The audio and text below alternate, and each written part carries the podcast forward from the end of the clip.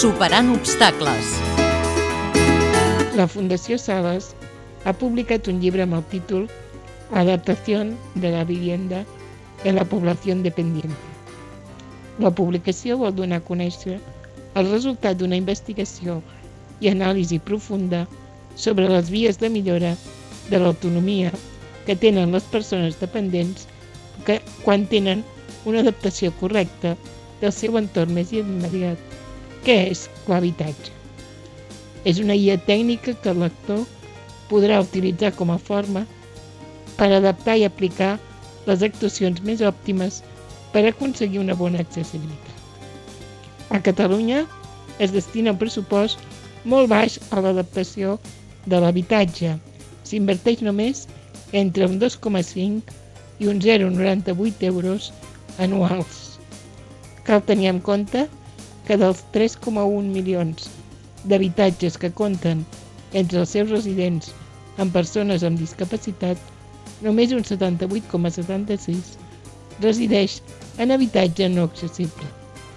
Les ajudes es demanen principalment per ascensor i bany.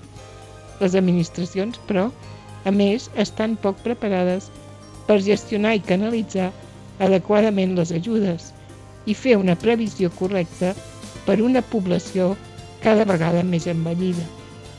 Les persones amb limitacions funcionals de desplaçament i de coordinació afecta el 3,4% de la població.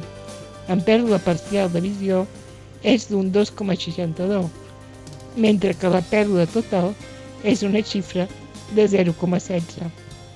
El treball de camp, fet per editar aquesta guia de la Fundació Sales, demostra que l'entorn proper a l'habitatge i el seu accés a llocs comunitaris és on es troben més quantitat de barreres arquitectòniques difícils de suprimir.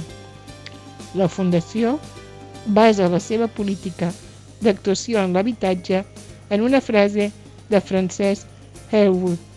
Les bones adaptacions transformen vides, milloren la salut i mantenen a la gent fora de l'acolliment institucional.